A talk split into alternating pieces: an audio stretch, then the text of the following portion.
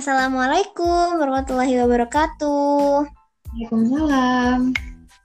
Balik lagi nih di, pod di podcast Ngelantur Kuy. Bersama dengan aku, Nafa, sebagai host dan Hajar sebagai narasumber kita. Di episode kali ini, apa sih Jar yang mau dibahas?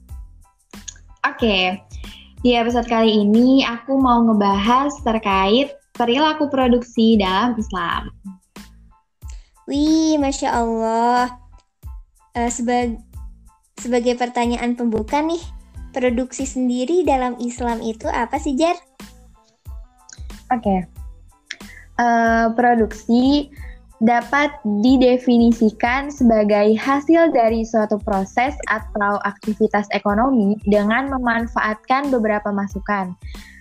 Kegiatan produksi tersebut mengkombinasikan berbagai input untuk menghasilkan output. Setiap variabel input dan output mempunyai nilai yang positif.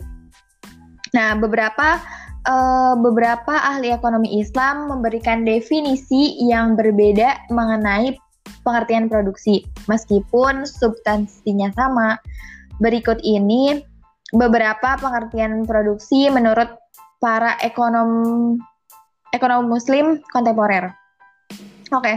yang pertama ada Monzer Kaf, Kaf, Kaf mendefinisikan uh, kegiatan produksi dalam perspektif Islam sebagai usaha manusia untuk memperbaiki tidak hanya kondisi fisik materialnya, tetapi juga moralitas, sebagai sarana untuk mencapai tujuan hidup sebagaimana digariskan dalam agama Islam, yaitu kebahagiaan kebahagiaan dunia dan akhirat.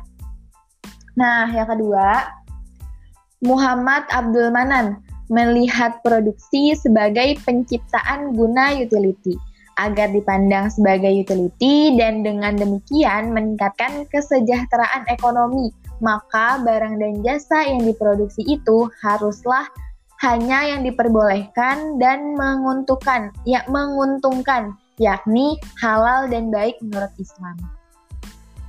Nah, yang ketiga ada Muhammad Nejatullah Siddiq, Siddiqi berpendapat bahwa Kegiatan produksi sebagai penyediaan barang dan jasa dengan memperhatikan nilai keadilan dan kebajikan atau kemanfaatan bagi masyarakat masyarakat bagi masyarakat. Dalam pandangannya sepanjang produsen telah bertindak adil dan membawa kebajikan bagi masyarakat maka ia telah bertindak islami. Nah, itu dia beberapa pengertian dari ahli ekonomi, ekonomi Islam kontemporer. Wih, mantap banget ya ahli ekonomi Islam. Lanjut nih, kira-kira gimana sih Jar pandangan Islam terhadap produksi? Oke. Okay. Islam memandang bahwa bumi dan segala isinya merupakan amanah Allah Subhanahu wa taala kepada sang khalifah agar dipergunakan sebaik-baiknya bagi kesejahteraan bersama. Salah satu pemanfaatan yang telah diberikan kepada sang khalifah adalah kegiatan kegiatan ekonomi dan lebih sempit lagi kegiatan produksi. Islam mengajarkan kepada khalifah untuk memakai dasar yang benar agar mendapat keridoan dari Allah Sang Maha Pencipta. Prinsip dasar ekonomi adalah keyakinan kepada Allah sebagai Rob dari alam semesta. Konsep ini bermakna Konsep ini bermakna bahwa ekonomi Islam berdiri atas kepercayaan bahwa Allah adalah satu-satunya pencipta, pemilik dan pengendali alam raya yang dengan takdirnya menghidupkan dan mematikan serta mengendalikan alam dengan ketetapannya. Ketetapannya. Dengan peran dan kepemilikan dari Allah, Rob semesta alam, maka konsep produksi di dalam ekonomi Islam tidak semata-mata bermotif memaksimalisasi keuntungan dunia, tetapi lebih penting untuk mencapai maksimalisasi keuntungan akhirat. Pada prinsipnya, Islam juga lebih menekankan e, berproduksi demi untuk memenuhi kebutuhan orang banyak, bukan hanya e, memenuhi kebutuhan segelintir orang yang memiliki uang, sehingga memiliki daya beli yang lebih baik. Karena karena itu, bagi Islam, produksi yang surplus dan berkembang baik secara kuantitatif maupun kualitatif tidak dengan sendirinya mendedikasikan, mengindikasikan kesejahteraan bagi masyarakat.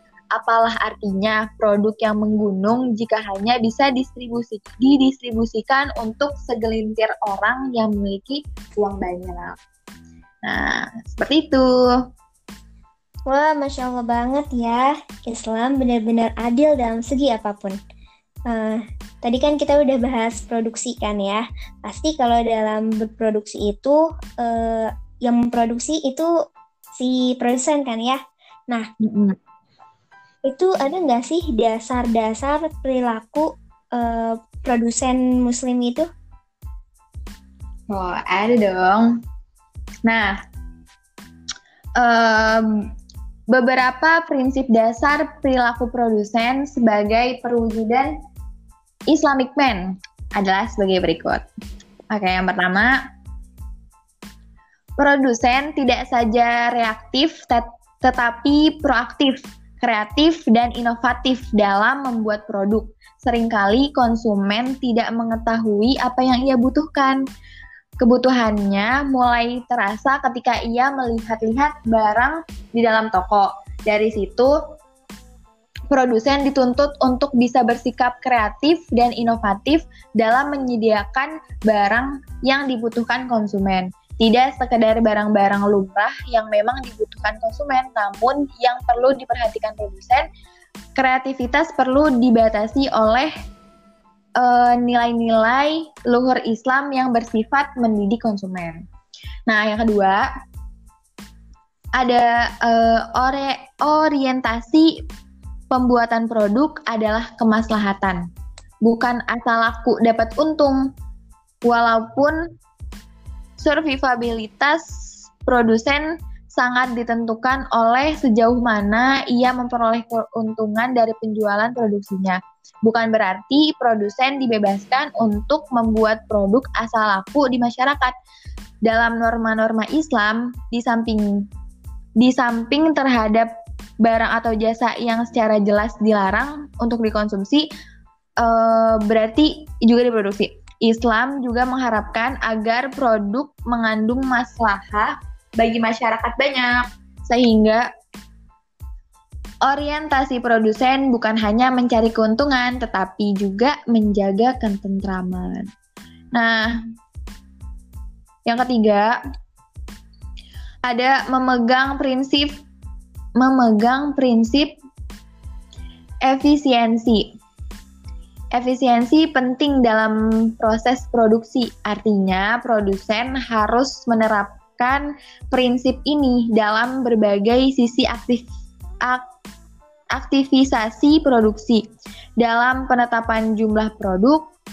Dalam penetapan jumlah produk misalnya produsen harus mengukur terlebih dahulu uh, seberapa kekuatan masyarakat dalam mengkonsumsi sebuah produk. Hal ini menentukan produsen untuk membuat berapa banyak produk yang harus ia buat. Jika produk yang ia buat terlalu banyak, melebihi kapasitas yang diinginkan masyarakat, maka produk tersebut menjadi sia-sia. Jadi, uh, ini berarti inefisien dalam Islam, inefisien atau wasting tidak direkomendasikan. Jadi kan mubazir ya kalau hmm. kebanyakan juga gitu. Oh gitu. Terus yang keempat, yang terakhir, menjaga uh, keramahan dalam lingkungan.